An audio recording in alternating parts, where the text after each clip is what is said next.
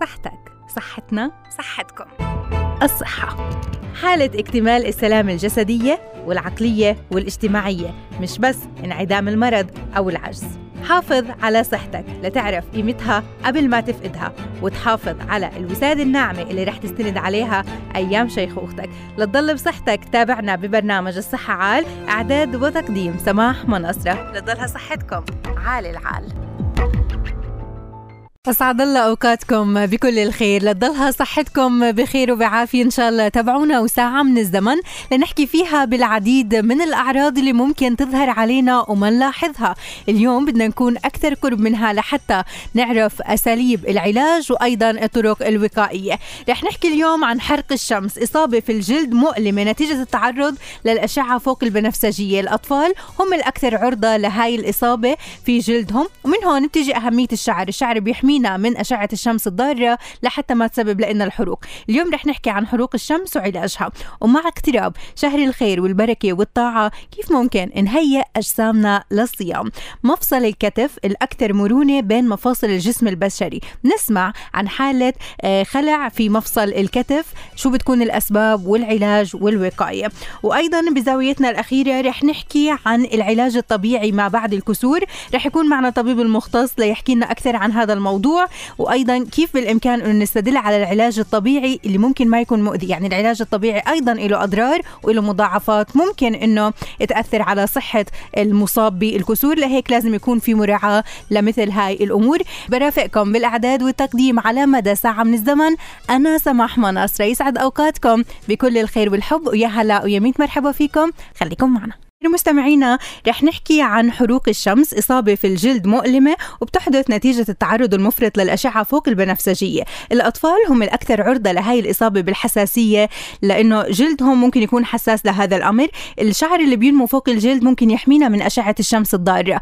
لكن شو اللي بيصير آه للأشخاص اللي بتعرضوا لحروق الشمس؟ هل هو ارتفاع درجات الحرارة؟ في شيء بأجسامهم ممكن يكون على استعداد لأنهم يصابوا بهاي الحالة؟ رح نحكي أكثر بهذا الموضوع.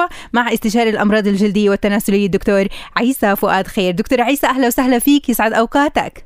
أهلا صباح الخير صباح الخير لجميع المستمعين. أهلا وسهلا وحضرتك يسعد جميع أوقاتك. دكتور اليوم نحكي عن حروق الشمس. بداية خلينا نوضح شو هي. شو الأعراض اللي ممكن تظهر على الشخص لحتى نحكي إنه مصاب بحرق الشمس؟ نعم الحروق الشمسيه كما أنت تفضلتي في البداية إنه هي من سبب التعرض لأشعة الشمس. نحن في آه، عدة درجات لأنواع البشرة أنواع الجلد اللي ممكن تكون حساسة أكثر على أشعة الشمس. كل ما كانت البشرة بيضاء كل ما كانت حساسة أكثر على أشعة الشمس وعلى الحروق الشمسية. المشاكل اللي بتصير يعني في ناس ممكن خلال ربع ساعة يصير عندهم حروق شمسية وفي ناس ممكن أكثر من هيك. فبيكونوا حساسين أكثر على أشعة الشمس هم الأطفال. أطفال. في الأشخاص البشرة البيضاء بصير عندهم واللي بيتعرضوا للشمس خلال فتره بين الساعة 10 والساعة 3 العصر كمان. الأعراض اللي ممكن تكون آه، هم يعني آه، الإحمرار على الجلد تمام. ارتفاع درجات الحرارة الألم اللي بيصير آه، من الحروق الشمسية كمان ممكن يصير مشاكل مثل زي فقدان الوعي آه وضيق التنفس. تمام يعني مش بس مشاكل ممكن تظهر على الجلد أيضا مشاكل ممكن تكون مرافقة وأعراض مرافقة بتظهر على جميع أنحاء الجسد. نعم وضربات القلب تصير سريعة ممكن يصير معهم شوية تشنجات. هاي حسب لأنه بصير معهم جفاف قوي كمان. مم. يعني ارتفاع درجات الحرارة نعم. طيب يعني دكتور كيف بتبلش الأعراض مع هؤلاء الأشخاص لحتى ما تظهر عليهم أعراض تكون أكثر خطورة على صحتهم؟ أه بتبلش بالأحمرار اللي على الجلد. بعدين بصير في ارتفاع في درجة الحرارة لأنه ما بيصير آه، الجسم ما بيقدر يسيطر على المنظم للحرارة ما بيقدرش يسيطر عليها بصير ارتفاع في درجات الحرارة. والتعب وارهاق وزي الغشيان شوية بصير يعني. فهاي بكون في بداية حروق شمسية يعني. تمام. طيب هلأ دكتور حكيت أنا في المقدمة إنه الأطفال الأكثر عرضة للإصابة بحروق الشمس. هل هذا الحكي آه، ممكن إنه كمان يأثر على آه، بعض الأشخاص ممكن الشباب أو اللي بيشتغلوا تحت أشعة الشمس مباشرة؟ نعم نعم. الجميع ممكن يكون آه، متعرض للحروق الشمسية ومشاكل الحروق الشمسية. م. الأطفال بيكون البشره عندهم حساسة أكثر من من الكبار. م. يعني الحروق الشمسية بتتم عندما قدرة الميلانين الخلايا اللي بعطي لون الجلد والصبغه الموجودة في الجلد ما بتتحمل ما بتقدر تقاوم ازول يعني الأشعة الفوق البنفسجية الألف والباء خاصة هي الباء اللي بتعمل الحروق الشمسية يعني. تمام. لون الجلد ممكن يأثر دكتور؟ يعني أصحاب البشرة ممكن السمراء ممكن يكونوا أقل عرضة ولا البيضة ولا شو اللي بيصير بالتحديد؟ آه بالطبع. آه، كل ما كانت البشرة أبيض كل ما كانت حساسة أكثر على الشمس كل ما كانت آه، درجة آه، درجة الجلد. ثلاثة أربعة بيكون عندهم صبغة أكثر فبيكون حماية لهم أزود ولكن الجميع ممكن ينصاب بالحروق الشمسية ومشاكل الشمس. إيه، فلهيك لازم يعني نستخدم الواقي الشمس. إحنا رح نحكي عن الأساليب الوقائية بالإضافة للعلاج لكن كمان نحكي دكتور عن يعني درجات الحرارة اللي عندنا. إحنا معرضين للإصابة بحروق الشمس مع درجات الحرارة الموجودة ولا ممكن في دول تانية ممكن يكونوا أكثر عرضة؟ اللي عندهم درجات حرارة مرتفعة أكثر من عندنا مثلا. لا حسب حسب المنطقة يعني بس بيكون الشعب اللي عايشين في المناطق الحارة آه، متعودين على درجات الحرارة يعني م. أما اللي بيكونوا مش متعودين على درجات الحرارة ويتعرضوا للشمس مباشرة مرة واحدة لفترة طويلة بدون وقاية آه، وبدون ما يأخذوا سوائل آه، بيكون عندهم مشاكل أكثر يعني. مه. طيب دكتور هلا في حال ظهرت هاي الأعراض، بداية شو الأمور اللي بالإمكان نقدمها كإسعافات أولية لهؤلاء الأشخاص؟ الإسعافات الأولية السوائل.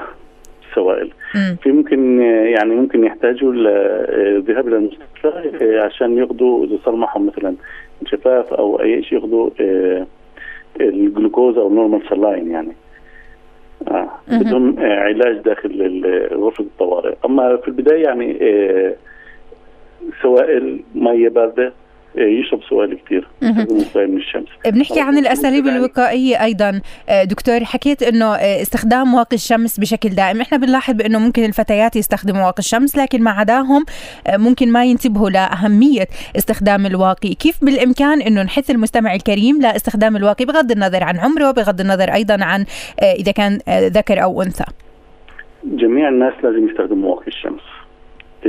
شباب أو بنات الأغلبية. واقي الشمس مش كريم تجميلي واقي الشمس علاجي وقائي من بعض الأمراض من ضرر الشمس. ضرر الشمس آه، بتعرفي مش بس بصير عندنا الحروق الشمسية ممكن يصير آه، الأورام والتجاعيد وعدة شغلات يصير خاصة الكانسر تاع الجلد. فلازم وقايه من الشمس خاصة اللي بيشتغلوا في ميداني والشباب اللي بيشتغلوا في الورشات لازم واقي الشمس. امم اللي بتعرضوا آه لأشعة الشمس بشكل مباشر. نعم وكمان الملابس هي أحسن واقي الشمس فلازم يعني ممكن يستخدموا طواقي يستخدموا نظارات واقيه من الشمس آه، غير عن الكريمات كمان يعني شغلات تساعد. كمان دكتور يعني لتجنب حروق الشمس بالنسبة للاطفال حكيت مثلا إنهم يلبسوا القبعات. بالنسبة للكبار أيضا يستخدموا واقي الشمس. أهمية أيضا أخذ المرطبات بشكل دائم يعني السوائل والمحافظه عليها خصوصا مع درجات الحرارة. هلأ حتى وإن ما ظهرت الشمس إحنا في عندنا درجات حرارة مرتفعة الآن صحيح؟ نعم. نعم مهم جدا السوائل لأنه اللي بيتعرض للشمس كثير ممكن يصير معه غثيان ممكن يصير عنده زواف في المعدة ممكن يصير معه آه يصير معه اصفرار آه دوخان. فبلزم بلزم سوائل كثيره نعم. بدي أتشكرك أكيد دكتور يعطيك العافية والصحة والخير وإن شاء الله إنه المعلومات بتكون وصلت لكل الناس اللي بيتابعونا في هاي اللحظات. فاصل ورح نرجع لمتابعة مواضيعنا خليكم معنا. مستمعينا مع اقتراب شهر رمضان المبارك كيف ممكن نهيئ أجسامنا لاستقبال هذا الشهر لحتى ما نصاب بالعديد من الأعراض مع بداية شهر الخير؟ وتؤدي فينا ل آه، ممكن تقاعس عن كثير من المهام اللي لازم نأديها بهذا الشهر. رح نحكي أكثر بهذا الموضوع مع استشاري التغذية العلاجية وعضو الجمعية الأمريكية للتغذية الدكتور أسامة صلاح. يسعد أوقاتك دكتور. أهلا وسهلا. أهلا وسهلا بحضرتك. كل عام وإنت بألف خير. وأنت بخير. شكرا. تفضلي. آه، دكتور اليوم نحكي عن آه، يعني مع قدوم شهر رمضان المبارك كيف بالإمكان إنه إحنا نستعد لهذا الشهر؟ نهيئ أجسامنا لاستقبال شهر رمضان المبارك. طبعا آه، شهر رمضان المبارك من الاشهر المميزه الحقيقة يعني اللي بتفيد كل الناس كل الفئات العمرية. سواء كانوا آه، اصحاء من غير بعض الأمراض المزمنة أو من اللي بيعانوا من امراض مزمنه زي مرض السكري مرض ضغط الدم آه، أمراض قلب الشرايين بشكل عام. فبدي أقوله إنه شهر رمضان فرصة ذهبية لكل الناس اللي بيعانوا من السكري بيعانوا من الوزن الزايد بيعانوا من السمنة بيعانوا من مشاكل القولون العصبي اضطرابات في الأمعاء في الجهاز الهضمي بشكل عام في التنفس في الكلى في الكبد. تنقية فترة نقاها وتنقية للجسم بشكل عام يعني هو شهر بخلص الجسم من السموم الموجودة داخله صحيح؟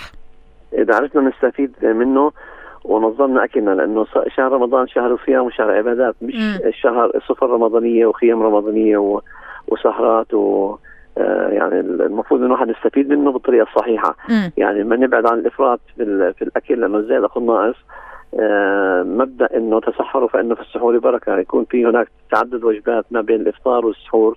آه، ما يعتمد الإنسان على آه، وجبة واحدة وكمية كبيرة وفي ساعة واحدة وما كمان ما ننسى أهمية النشاط الجسماني المشي بالتحديد. فهذه أشياء مهمة جدا. لكن كيف نهيئ حالنا لشهر رمضان الفضيل في طبعا بعض النصائح لأنه الإنسان أول يوم يومين بيكون عنده بعض الحالات من العصبيه التوتر الصداع الدوخة الإرهاق لأنه مش متعود يصوم آه خاصة المدخنين أو آه، اللي بتعودوا على آه مثلا شرب القهوة والشاي والكافيين مع بداية كمية اليوم. كبيرة نعم من المنبهات المياه الغازية القهوة والشاي آه الأشخاص اللي بيعتمدوا على استهلاك كبير من الحلويات والدهون بشكل عام.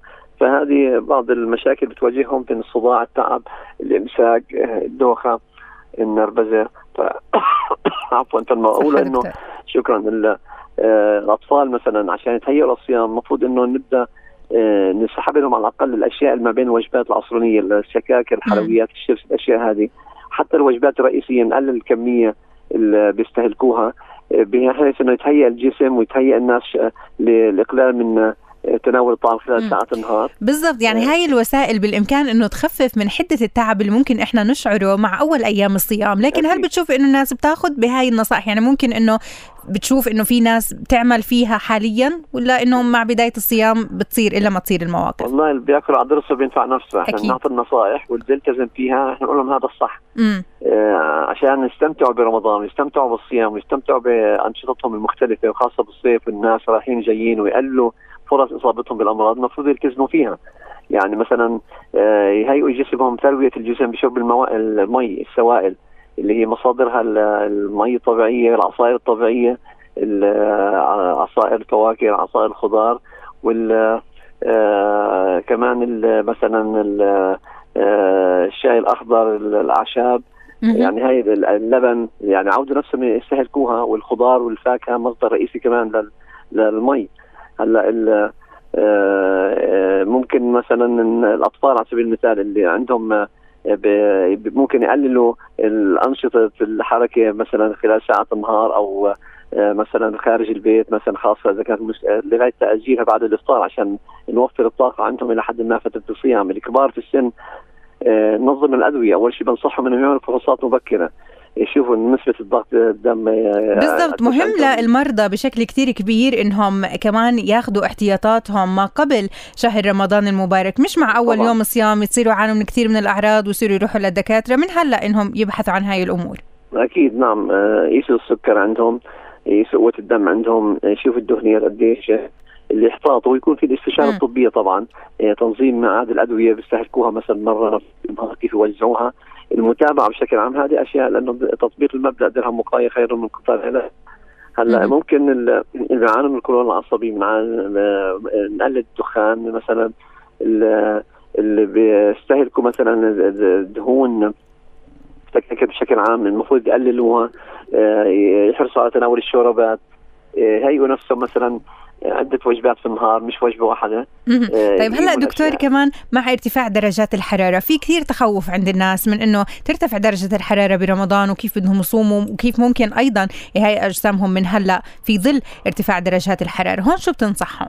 آه طبعا لما يكون في وجبة سحور أساسية وساعات متأخرة مش الساعة واحدة والساعة 2 هذا مش سحور. المفروض يعني قبل نص ساعة تقريبا من ميعاد أذان الفجر يستهلكوا كمية مناسبة من الخضار وخاصة الخيار مثلا اللبن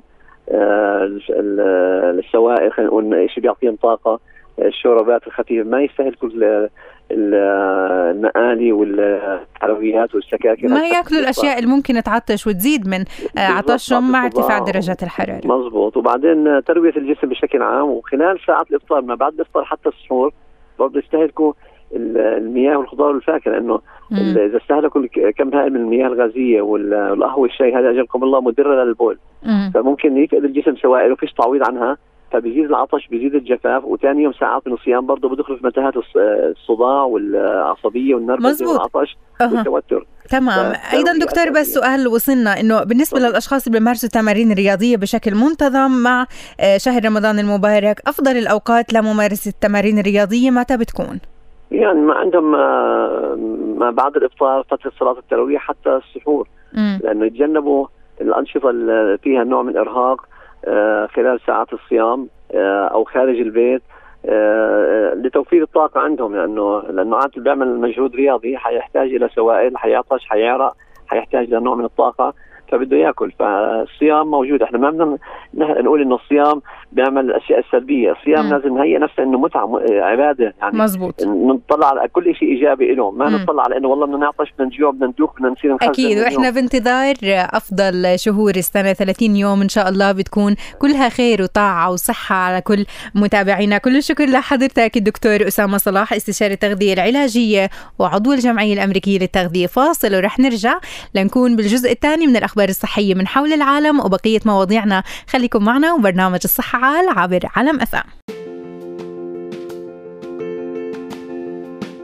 التأهيل والعلاج ما بعد الكسور. العلاج الطبيعي وأهميته ما بعد إصابات الكسور. عملية إعادة التأهيل مسألة حيوية للعودة للوضع الطبيعي لتقوية المفاصل والعضلات اللي أصابها الضعف. رح نحكي أكثر بهذا الموضوع وبإمكانكم طرح استفساراتكم عبر صفحتنا على الفيسبوك راديو عالم باللغة العربية أو من خلال الاتصال فينا مباشرة على 2216 أو 2216 لحتى نجاوب على جميع الاستفسارات بخصوص الكسور والعلاج الطبيعي الطبيعي فيما بعد. في بعض الناس اللي ممكن ما يعطوا العلاج الطبيعي أهمية لكن له أهمية كبيرة رح نتعرف عليها بعد الفاصل القصير مع الدكتور منذر العويوي يحكي لنا أكثر عن علاجات الكسور بالإضافة للعلاج الطبيعي وأهميته شو أنواع العلاجات الطبيعية اللي تقدم أيضا للأشخاص اللي تعرضوا للكسور. فاصل جتامر وبعد الفاصل رح نرجع للصحة عال. خليكم معنا.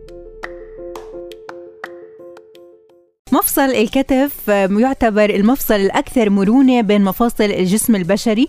أيضا هو المفصل اللي له مدى واسع من حيث الحركة كونه بيسمح بأكبر درجة ممكنة من درجات الحركة في جسم الإنسان. اكتسب مفصل الكتف هاي المرونة من تكوينه الفريد اللي بيشبه في شكله شكل كرة بتتحرك على طبق. لكن هاي المرونة هي على حساب أيضا استقرار المفصل. هو أكثر المفاصل عرضة للخلع خصوصا عند الرياضيين. شو اللي بيؤدي لخلع مفصل الكتف؟ الكتف بالإضافة للأساليب الوقائية والعلاجية. الموضوع هذا رح نناقشه أكثر مع الدكتور عفيف قنيبي أخصائي طب العظام. دكتور عفيف أهلا وسهلا فيك سعد أوقاتك. حياك الله أهلا وسهلا فيكي وفي المستمعين الكرام. أهلا وسهلا بحضرتك. دكتور اليوم موضوعنا عن خلع مفصل الكتف. بداية خلينا نحكي شو اللي ممكن يؤدي لحدوث هاي الحالة؟ يعني هي الأسباب متعددة لكن خلينا نقول إنه مفصل الكتف هو من أكثر المفاصل مرونه وليونة وعنده مدى حركة واسع جدا جدا. م. هذا على حساب استقرار هذا المفصل. يعني عندما يكون في عندنا في المفصل عنده حركة مداها طويل وزوايا عالية جدا معنى بده يكون المثبتات لهذا المفصل بدها تكون رخوية عضلية آه الأربطة آه كثير آه أضعف من الأماكن الأخرى زي مفصل مثلا الورك فمن هون بيكون تعرضه للخلع كبير كبير. هنا أسباب خلع مفصل الكتف أغلبها هي الاصابات الملاعب. أغلب اصابات خلع مفصل الكتف ناتج عن إصابات الملاعب يعني الرياضيين ممكن يكونوا أكثر عرضة للإصابة بهي الحالة.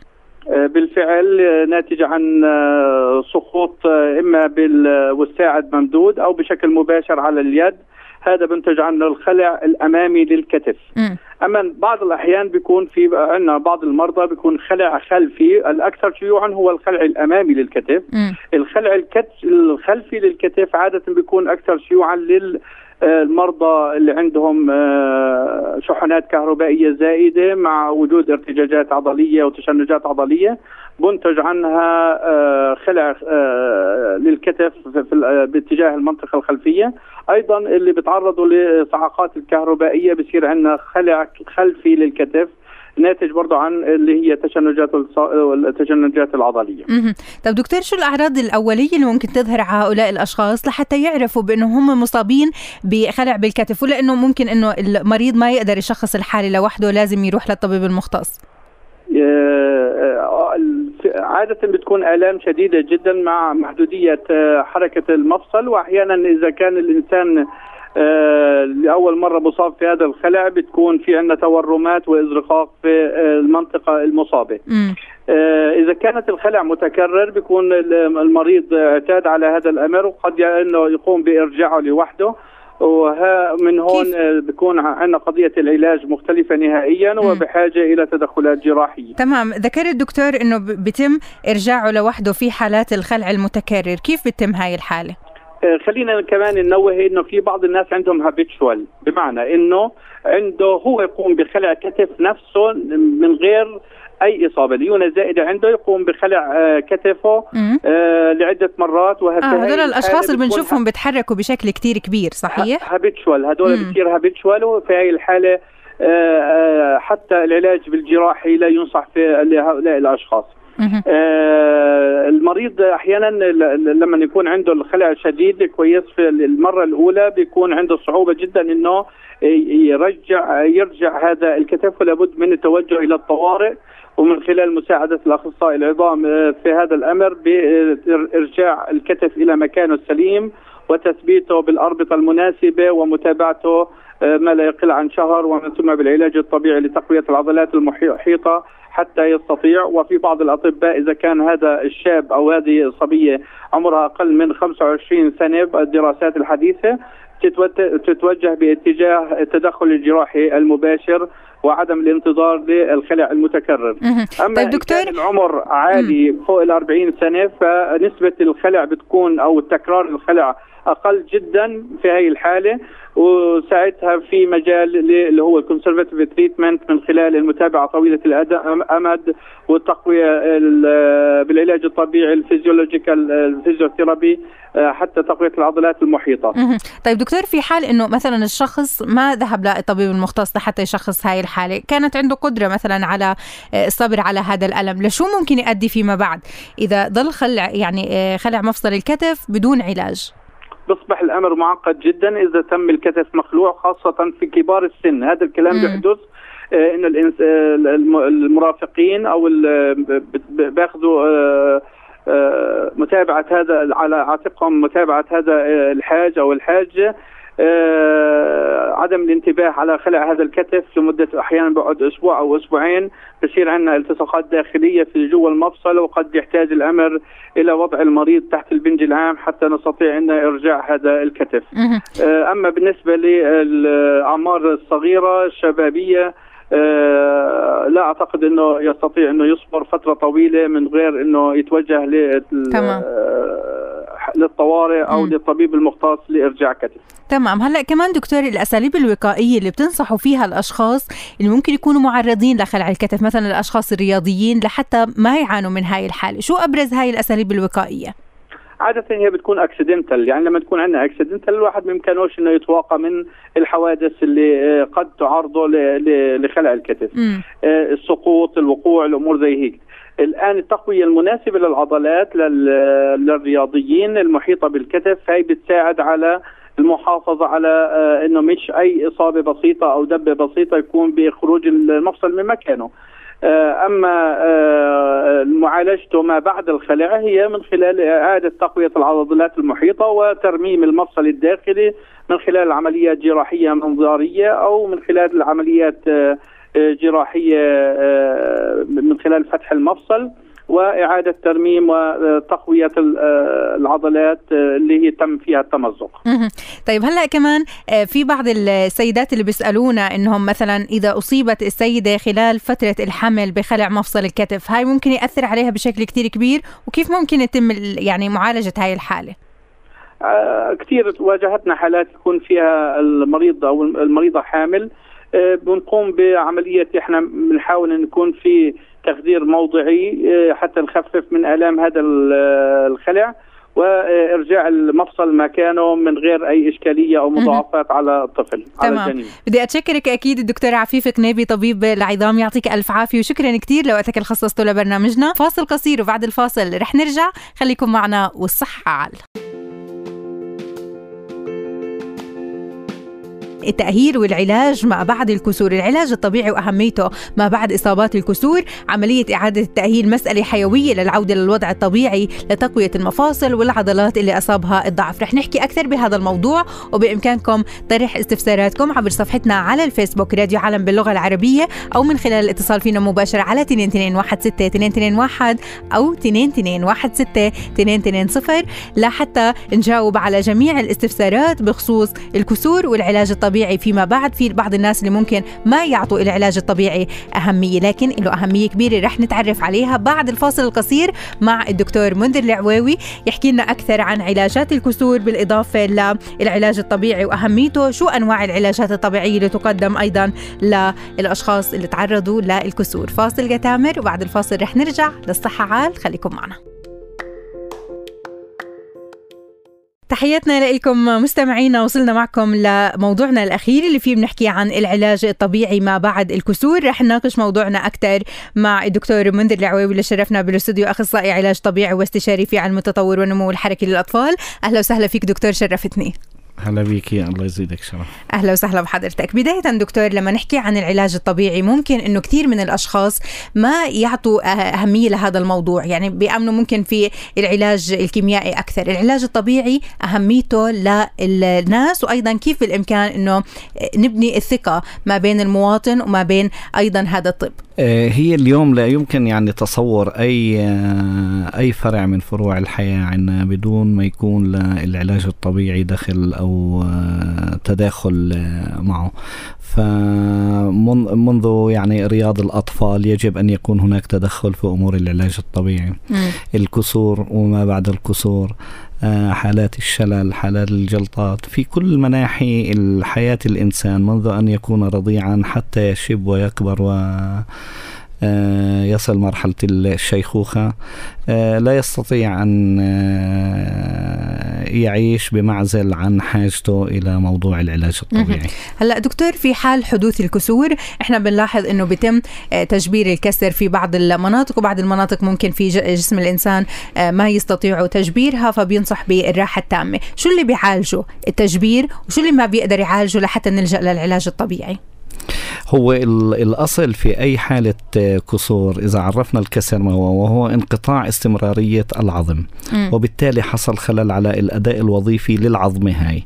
سواء كانت عظمة طولية أو عظمة مفلطحة أو كانت التقاء مع مفصل. آه، يعني التقاء عظمتين مع بعض وبالتالي بشكله مفصل.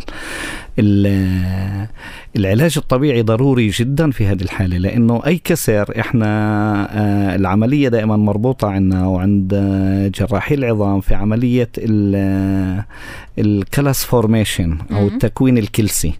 والتكوين الكلسي هذه شغلة معادلة يعني معادلة رياضية يعني يجب على كل مختص في هذا المجال أن يكون حذق جدا بحيث أنه يتابع عملية التكوين الكلسي وهي مسألة رياضية بده يطلع النسبة تاعتها وكيف آه يكون آه مبدع في عملية استخدامها بحيث إنها تكون عامل إيجابي ومفيد للمريض في عملية آه، استمرار آه، عملية التكلس.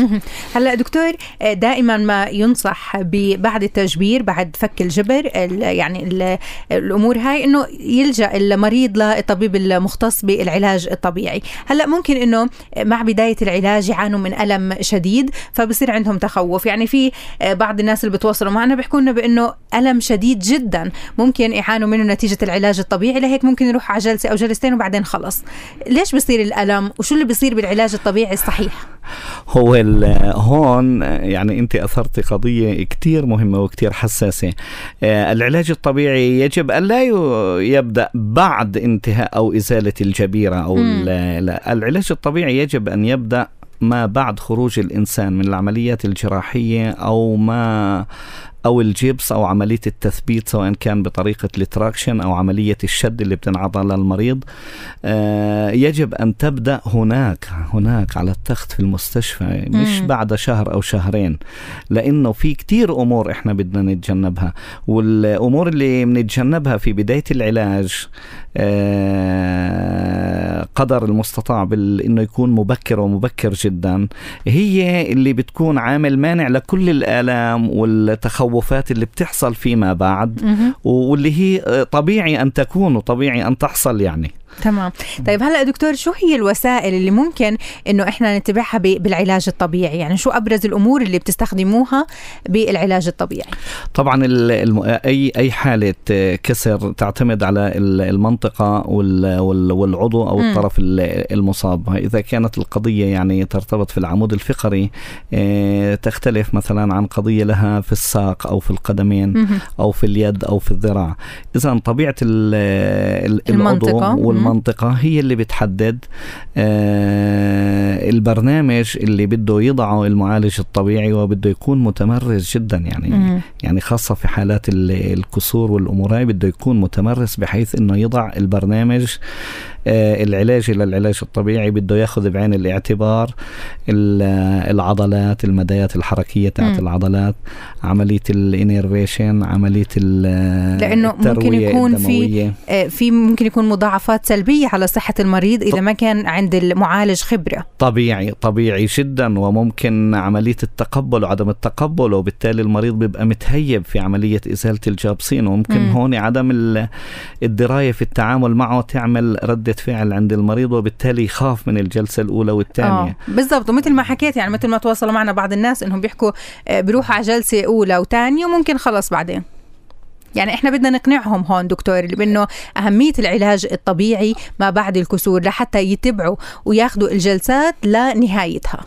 الأصل انه عملية الإقناع للمريض هي لا تتم بطريقة يعني فكرية يعني مم. يجب أن يقتنع المريض من البرنامج اللي بيوضع له إياه هذا ويحس يجب على المريض لأنه يعني من من حساسية يعني العلاج الطبيعي لأنه العلاقة بادي لانجويج يعني م. يعني اليدين مع البادي تبع الجسم أو العضو آه. تبع المريض وبالتالي يجب وبالضرورة أن يشعر المريض بالثقة والثقة التامة ويشعر إنه هناك صار تحسن يعني أنا لا أقتنع ولا أفهم إنه يقول له بده 10 و15 و12 جلسة م. يجب من الجلسة الأولى أن يشعر بأن هناك شيئا ما إيجابي حصل في مم. عملية ال ولاحظ هذا التغيير لحتى المريض أيضا يقتنع بأهمية بالضبط. الجلسة التالية طبيعي وهذا شغلة كتير مهمة مم. لأنه المريض بده يحمل كمان معه جزء من البرنامج العلاجي اللي بده يطبقه في البيت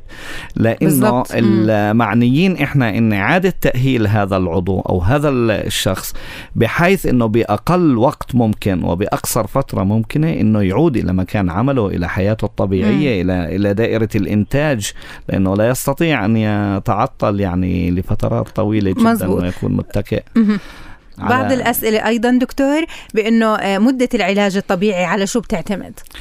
أنا بالنسبة لي آه، ما عنديش تحديد لفترة العلاج الطبيعي من الناحية الزمنية طبعا في تقنيات معينة بتقول إنه يعني على الأقل إنه نصف ساعة أو كذا. آه، كوني على ثقة من الخبرات الكذا أنا لو المريض بيتحمل والأمور ماشية وبشكل إيجابي ما بزبط أجي أقول له والله خلص الوقت أو خلص دوامي أو خلص كذا.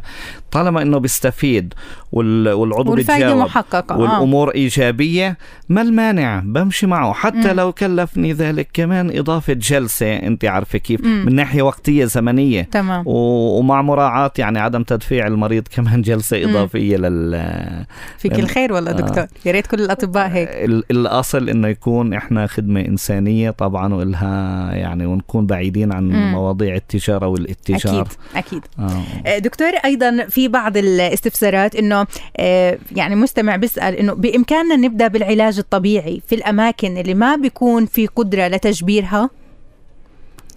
آه عفوا السؤال مش واضح بالنسبة يعني لي. هون ممكن إنه الكسر يكون في منطقة ما بنقدر إنه نجبرها.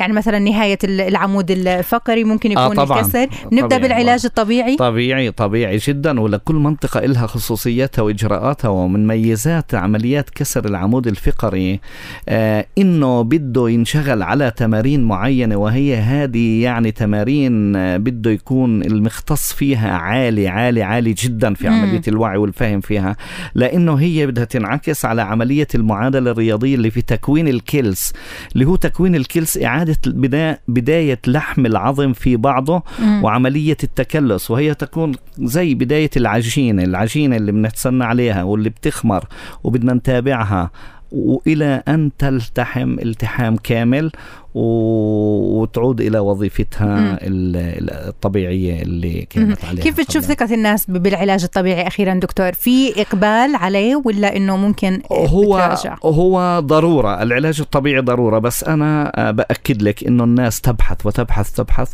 حتى تصل من يجيب آه، هلأ عدم الاقتناع في العلاج الطبيعي يعني أنا بقول دائما يجب على المهنة أن يشرفها وأن تتشرف بالمختص صحيح. اللي قائم بها آه حتى تثبت. لو أخذنا بعين الاعتبار هذه المهنة قبل آه 20 سنة أو في مم. فترة الثمانينات ما حد كان يفهم أنه العلاج الطبيعي هذا علم. أنا كتير ناس بيقولوا لي أنت دارسها ولا وارثها ضمن مم. الأسئلة؟ اللي بقول لهم الشقتين يعني. الله يعطيك الصحة دكتور وأكيد العلاج الطبيعي له أهمية وبنتمنى أنه جاوبنا على آه، أسئلة مستمعينا. كل شكر لحضرتك أخصائي العلاج الطبيعي الدكتور منذر العويوي. شكرا دكتور يعطيك ألف عافية. الله يعافيك. مستمعينا لهون بنكون وصلنا لنهاية برنامج الصحة عال. شكرا لكل متابعينا وين ما كانوا وشكرا لكم أحلى مستمعين. شكرا لفريق العمل أيضا. هندسة إذاعية وإخراج إذاعي تامر ومعاذ يعطيكم العافية. والتنسيق والتنفيذ على الهواء مباشرة خلدون نصار شكرا. وأتقبل تحياتي رفقتكم بالإعداد والتقديم من وراء الميكروفون. أنا سماح مناصرة في أمان الله.